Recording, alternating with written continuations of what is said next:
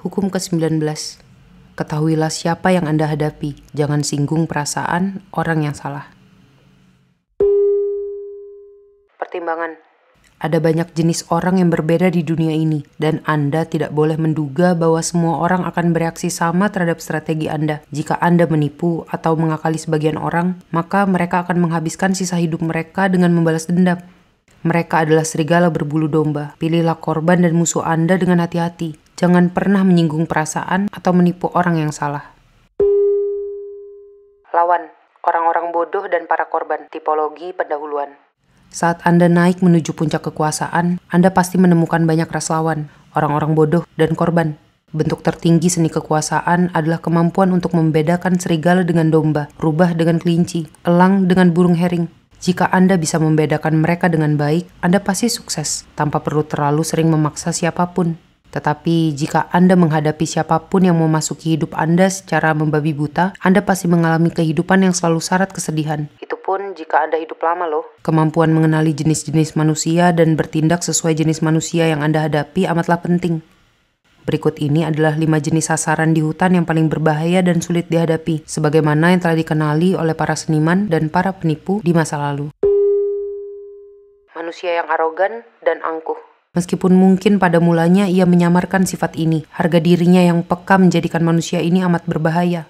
Sikap meremehkan sekecil apa pun akan mengakibatkan balas dendam dengan cara yang amat kejam. Mungkin Anda berkata kepada diri Anda sendiri, tetapi aku hanya mengatakan anu pada sebuah pesta di mana semua orang mabuk-mabukan.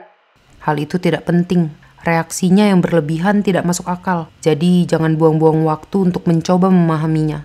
Jika kapan pun Anda menghadapi seseorang yang memiliki harga diri yang terlalu sensitif dan terlalu aktif, larikan diri Anda. Apa pun yang Anda harapkan darinya tidak sepadan dengan hasil yang bisa Anda terima.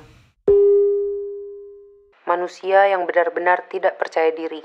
Pria ini berhubungan dengan jenis manusia yang angkuh dan arogan, tetapi lebih tidak kasar dan lebih sulit ditemukan. Egonya rapuh, ia tidak percaya diri, dan jika ia merasa dirinya ditipu atau diserang, rasa sakit hatinya pasti mendidih ia akan menyerang Anda sedikit demi sedikit, sehingga akan memakan waktu lama sebelum luka itu cukup besar untuk Anda sadari. Jika Anda mendapati bahwa Anda telah menipu atau menyakiti manusia jenis ini, menghilanglah untuk jangka waktu yang lama. Jangan berada di dekatnya, kalau tidak, dia akan menggerogoti Anda hingga Anda mati. Manusia yang mudah curiga. Variasi lain ras di atas adalah calon Joe Stalin di masa depan. Ia melihat apa yang ingin ia lihat, biasanya yang terburuk, di dalam diri orang lain dan membayangkan bahwa semua orang mengejarnya. Manusia yang mudah curiga sesungguhnya merupakan manusia yang paling tidak berbahaya di antara ketiganya. Karena pada dasarnya keadaan jiwanya tidak seimbang. Ia mudah ditipu, sama seperti Stalin sendiri yang terus-menerus ditipu. Manfaatkanlah sifatnya yang mudah curiga untuk membuatnya melawan orang lain. Tetapi jika Anda menjadi sasaran kecurigaannya, waspadalah. Si ular dengan ingatan jangka panjang yang kuat. Jika merasa sakit hati atau ditipu, ia tidak akan menunjukkan amarahnya secara terang-terangan. Ia akan membuat perhitungan dan menunggu. Kemudian, saat ia berada pada situasi di mana ia bisa membalikan keadaan, ia akan melakukan pembalasan dendam yang ditandai dengan kelihayan dan kekejaman. Kenalilah manusia ini dari sifatnya yang penuh perhitungan dan lihat di berbagai bidang kehidupan yang berbeda-beda. Biasanya ia dingin dan tidak penuh kasih. Anda harus lebih berhati-hati kepada si ular, karena jika entah bagaimana Anda telah menyakitinya, hancurkanlah dia secara total, atau singkirkan dia dari pandangan Anda. Manusia yang biasa-biasa saja sederhana, dan sering kali tidak pintar. Telinga Anda pasti berdiri saat Anda menemukan korban yang amat menggiurkan seperti ini. Tetapi manusia ini jauh lebih sulit ditipu daripada bayangan Anda. Terjebak tipu muslihat sering kali membutuhkan kecerdasan dan imajinasi, pemahaman tentang imbalan yang mungkin bisa diperoleh. Manusia yang bodoh tidak akan menyambar umpan karena ia tidak mengenalinya. Ia benar-benar tidak menyadarinya. Bahaya yang dimunculkan manusia jenis ini bukanlah bahwa dia akan menyakiti Anda atau membalas dendam, melainkan bahwa dia hanya akan membuang-buang waktu, energi, sumber daya, dan bahkan kewarasan Anda saat Anda mencoba menipunya.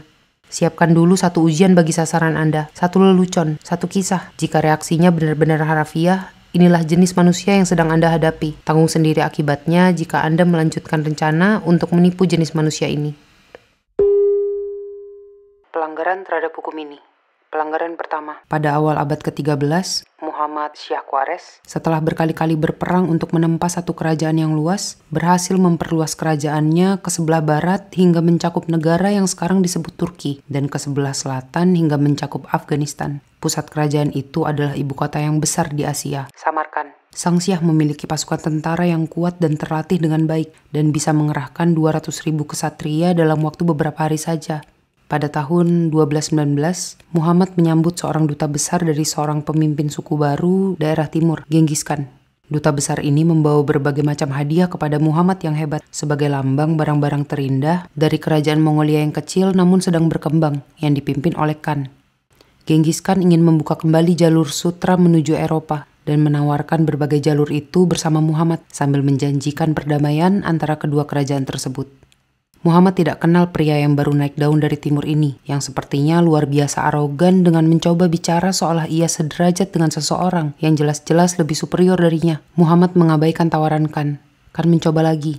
Kali ini ia mengirimkan karavan yang terdiri dari 100 unta yang dipenuhi barang-barang paling langka yang telah ia jarah dari bangsa Cina. Namun demikian, sebelum karavan itu tiba di hadapan Muhammad, Inalcik, gubernur suatu daerah yang berbatasan dengan Samarkand, merebutnya untuk dirinya sendiri dan menghukum mati para pemimpinnya. Genghis Khan merasa yakin bahwa tindakan ini merupakan kesalahan, bahwa Inalcik telah bertindak tanpa persetujuan Muhammad. Ia mengirimkan satu misi lagi untuk menghadap Muhammad, mengulangi tawarannya lagi dan meminta agar gubernur itu dihukum. Kali ini Muhammad sendiri menyuruh salah seorang duta besar itu dipenggal dan mengirimkan dua duta besar lain kembali ke Mongolia dengan kepala gundul. Tindakan ini merupakan penghinaan besar-besaran menurut standar kehormatan Mongolia. Kan mengirimkan pesan kepada Syah itu. Kau telah memilih perang. Apa yang akan terjadi, biarlah terjadi. Dan kami tidak tahu apa yang akan terjadi. Hanya Tuhan yang tahu hal itu. Pada tahun 1220, Kan menyerang provinsi Inalcik di mana ia merebut ibu kotanya, menangkap si gubernur, dan memerintahkan pria itu dihukum mati dengan menuangkan perak cair ke dalam mata dan telinganya. Selama setahun berikutnya, kan melakukan serangkaian kampanye mirip serangan gerilya untuk melawan pasukan tentara Syah yang jauh lebih besar jumlahnya. Metode serangannya benar-benar baru pada zaman itu. Para tentaranya bisa bergerak sangat cepat dengan menunggang kuda dan telah menguasai seni menembakkan anak panah selagi menunggangi kuda. Kecepatan dan fleksibilitas tentaranya memampukan Khan memperdaya Muhammad mengenai niatnya dan arah pergerakan tentaranya. Akhirnya, ia berhasil pertama-tama mengepung Samarkan, kemudian merebutnya. Muhammad kabur dan setahun kemudian wafat. Kerajaannya yang luas terpecah belah dan hancur. Genghis Khan adalah tuan tunggal Samarkan, jalur sutra, dan sebagian besar daerah utara Asia. Interpretasi Jangan pernah anggap bahwa orang yang Anda hadapi lebih lemah atau lebih tidak penting daripada Anda. Sebagian orang tidak cepat tersinggung, sehingga mungkin Anda keliru menduga ketebalan muka mereka, sehingga Anda tidak merasa cemas kalau-kalau Anda menghina mereka. Tetapi jika Anda menyinggung kehormatan dan harga diri mereka, mereka pasti membuat Anda kewalahan dengan tindak kekerasan yang sepertinya terjadi secara mendadak dan ekstrim mengingat sifat mereka yang tidak mudah marah. Jika Anda ingin mengecewakan orang lain, lebih baik Anda melakukannya dengan sopan dan hormat. Bahkan, jika Anda merasa bahwa permintaan mereka kurang ajar atau tawaran mereka konyol, jangan pernah tolak mereka dengan menghina mereka hingga Anda mengenal mereka dengan lebih baik. Mungkin saja Anda sedang berhadapan dengan seseorang yang mirip Genghis Khan. Pelanggaran kedua, pada akhir tahun 1910-an, sebagian penipu terbaik di Amerika membentuk jaringan penipu yang berbasis di Denver, Colorado. Pada bulan-bulan musim dingin, mereka menyebar di negara-negara bagian selatan untuk menjalankan bisnis mereka. Pada tahun 1920, Joe Furey, pemimpin jaringan tersebut, sedang bekerja melintasi Texas dan memperoleh ratusan ribu dolar dengan melakukan permainan tipuan klasik. Di Fort Worth, ia bertemu seseorang yang bodoh bernama J. Frank Norfleet, seorang peternak yang memiliki sebuah peternakan besar. Norfleet tertipu karena yakin bahwa ia akan segera kaya raya. Ia mengosongkan rekening banknya yang berjumlah 45 ribu dolar dan menyerahkannya kepada Fury dan konfederasinya. Beberapa hari kemudian mereka memberinya uang jutaan dolar yang ternyata merupakan beberapa lembar uang dolar asli yang membungkus tumpuk clipping surat kabar.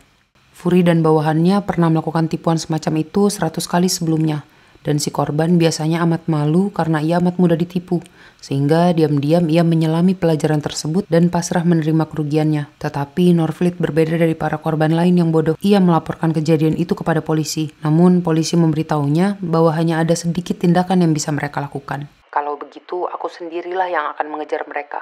Norfleet memberitahu para detektif itu. Aku juga akan menangkap mereka walaupun membutuhkan sepanjang sisa hidupku untuk melakukannya.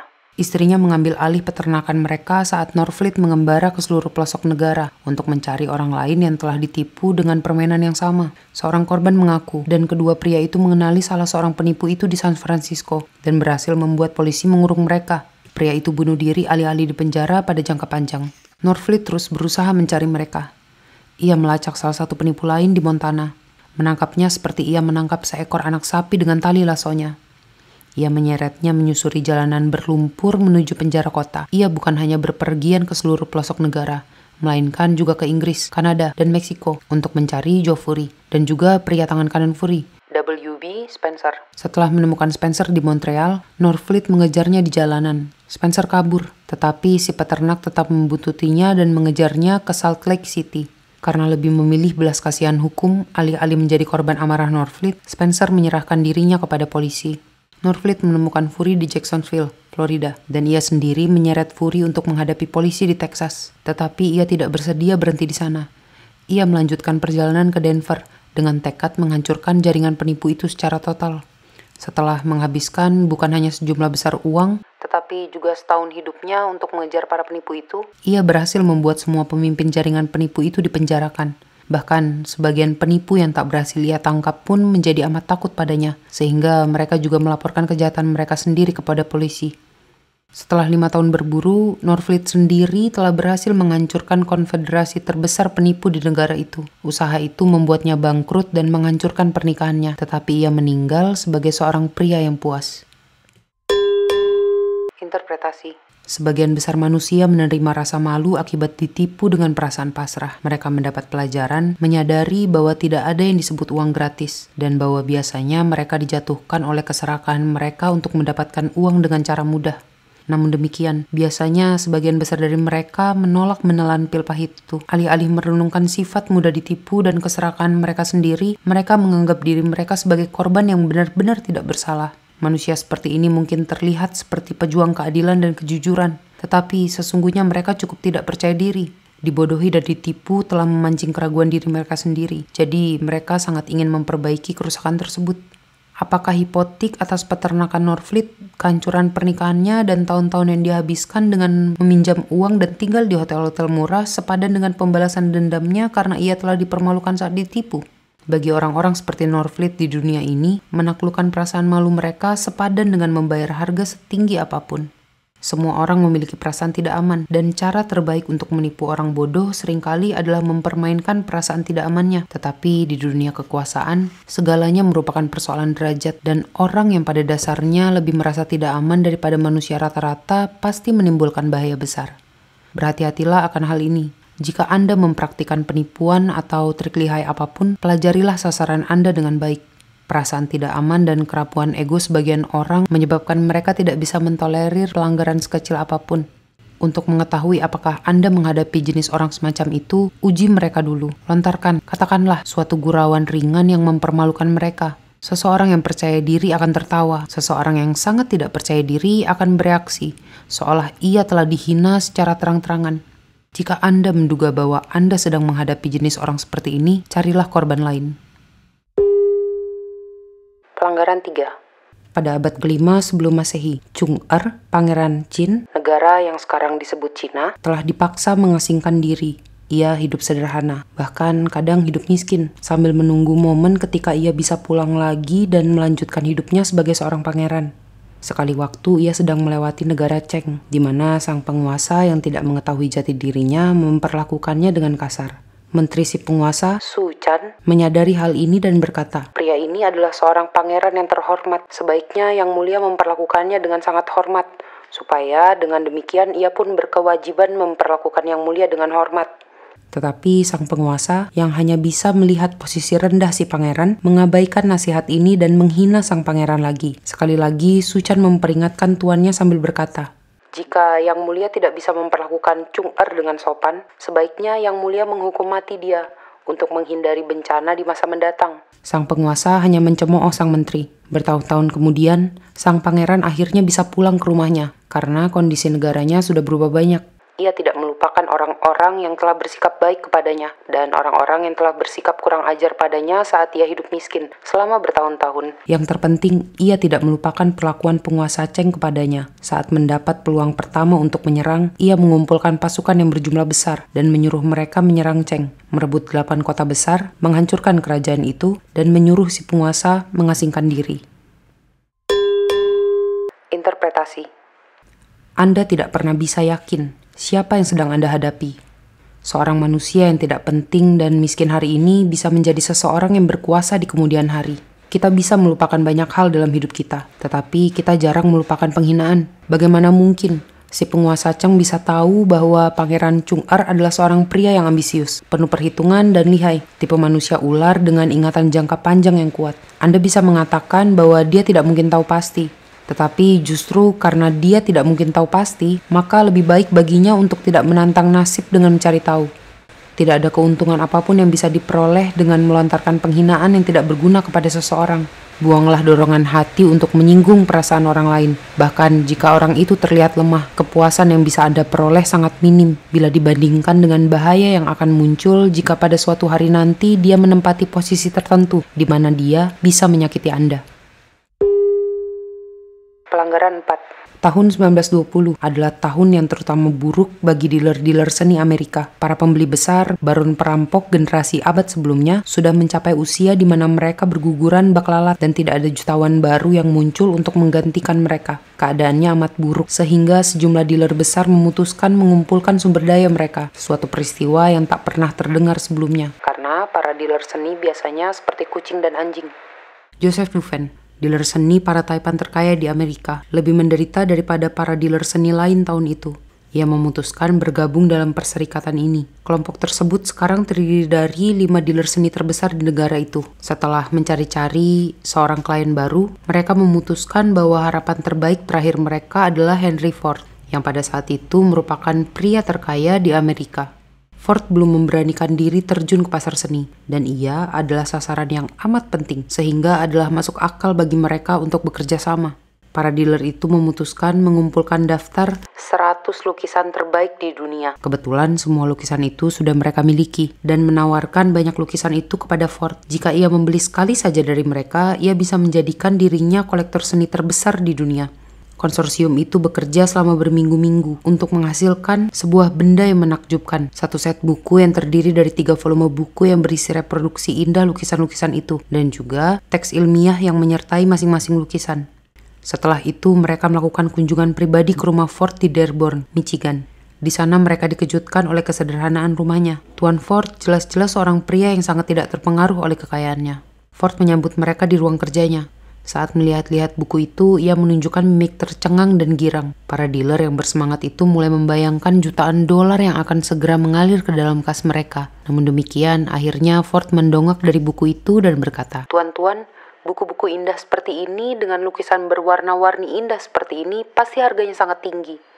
Tetapi, Tuan Ford, Duvan berseru, kami tidak mengharapkan Anda untuk membeli buku-buku ini. Kami membuat buku-buku itu khusus untuk Anda untuk menunjukkan lukisan-lukisan itu kepada Anda. Buku-buku ini adalah hadiah bagi Anda. Ford tampak bingung. Tuan-tuan, sahutnya, kalian sangat baik, tetapi aku benar-benar tidak mengerti bagaimana mungkin aku bisa menerima hadiah indah dan mahal seperti ini dari orang asing. Duven menjelaskan kepada Ford bahwa reproduksi lukisan dalam buku-buku itu menunjukkan lukisan-lukisan yang mereka harap bisa mereka jual kepadanya. Akhirnya Ford mengerti. Tetapi tuan-tuan, ia berseru, untuk apa aku membeli lukisan-lukisan aslinya jika aku sudah memiliki reproduksi lukisan-lukisan dalam buku ini yang amat indah? Interpretasi Joseph Duven yang membanggakan dirinya sebagai seorang dealer seni yang mempelajari korban dan kliennya jauh-jauh hari, mengetahui kelemahan dan keganjilan selera mereka, Bahkan sebelum ia bertemu mereka, ia terdorong oleh keputusasaan untuk membuang taktik ini sekali ini saja saat ia mengincar Henry Ford. Membutuhkan waktu berbulan-bulan baginya untuk memulihkan diri dari penilaiannya yang keliru, baik secara mental maupun di bidang keuangan. Ford adalah jenis pria biasa yang sederhana yang tidak pantas dibujuk dengan susah payah seperti itu. Ia adalah titisan orang-orang berpikiran harafiah yang tidak memiliki imajinasi yang cukup mendalam untuk ditipu. Sejak saat itu, Duven menyisihkan energinya untuk mendekati orang-orang seperti Melon dan Morgan di dunia ini. Para pria yang cukup pintar untuk dijerat dalam perangkapnya. Kunci kekuasaan Kemampuan untuk menaksir orang lain dan mengetahui siapa yang sedang Anda hadapi adalah keahlian terpenting dalam mengumpulkan dan mempertahankan kekuasaan. Tanpa keahlian itu, Anda praktis buta. Anda bukan hanya akan menyinggung perasaan orang yang salah, tetapi Anda juga akan memilih jenis orang yang salah untuk dikerjai, dan Anda akan beranggapan bahwa Anda menyanjung orang lain, padahal sesungguhnya Anda menghina mereka. Sebelum melakukan langkah apa pun, taksirlah dulu sasaran atau calon lawan Anda. Jika tidak, Anda akan membuang-buang waktu dan melakukan kesalahan. Pelajarilah kelemahan orang lain, celah pada pertahanan mereka, bidang-bidang yang membuat mereka bangga dan tidak percaya diri. Kenalilah mereka luar dalam, bahkan sebelum Anda memutuskan apakah sebaiknya Anda berbisnis dengan mereka atau tidak. Dua nasihat terakhir. Pertama-tama, dalam menilai dan menaksir lawan Anda, Jangan pernah andalkan naluri Anda. Anda akan melakukan kesalahan terbesar sepanjang masa jika Anda mengandalkan indikator yang amat tidak tepat seperti ini. Tidak ada apa pun yang bisa menggantikan tindakan mengumpulkan pengetahuan yang konkret. Pelajarilah dan mata-matailah lawan Anda berapapun jangka waktu yang diperlukan. Tindakan ini pada akhirnya pasti membuahkan hasil. Jangan pernah terperdaya oleh penampilan. Siapa pun yang berhati ular bisa menunjukkan kebaikan hati untuk menyelubunginya. Seseorang yang dari luar tampak suka menggertak sesungguhnya sering kali benar-benar pengecut. Belajarlah menyelami pribadi di balik penampilan dan kontradiksi yang ditunjukkan oleh orang lain. Jangan pernah percaya versi diri yang ditunjukkan oleh orang lain. Hal itu benar-benar tidak bisa diandalkan. Si pemburu ia tidak memasang perangkap serigala untuk menangkap seekor rubah. Ia tidak meletakkan umpan di tempat di mana tidak ada seorang pun yang bisa menyambarnya. Ia mengenal mangsanya luar dalam, kebiasaannya dan tempat persembunyiannya. Jadi, ia berburu sesuai dengan pengetahuannya itu. Otoritas. Yakinlah bahwa tidak ada seorang pun yang amat tidak penting dan tidak berarti. Tetapi mungkin pada suatu saat mereka memiliki kekuasaan yang bisa Anda manfaatkan Tentu saja mereka tidak akan membiarkan Anda memanfaatkan kekuasaan mereka jika Anda pernah menunjukkan kebencian kepada mereka. Kesalahan manusia sering kali diampuni, tetapi kebencian tidak pernah diampuni. Harga diri kita pasti mengingatnya selamanya. Lord Chesterfield 1694 sampai 1773. Pembalikan hukum. Keuntungan apa yang bisa diperoleh dari ketidaktahuan tentang orang lain? Belajarlah membedakan singa dengan domba atau tanggung akibatnya. Patuhi hukum ini sebaik-baiknya. Hukum ini tidak bisa dibalikan. Jangan repot-repot mencari pembalikan hukum ini. Nah, kita udah sampai di akhir hukum ke-19. Seperti biasa, terima kasih sudah mendengarkan. Semoga bermanfaat. Jangan lupa beli buku originalnya dan lakukan riset mandiri tentang penulis aslinya, Robert Greene. Sampai ketemu di hukum 20. Saya Justin. Selamat malam, pagi, siang, atau sore.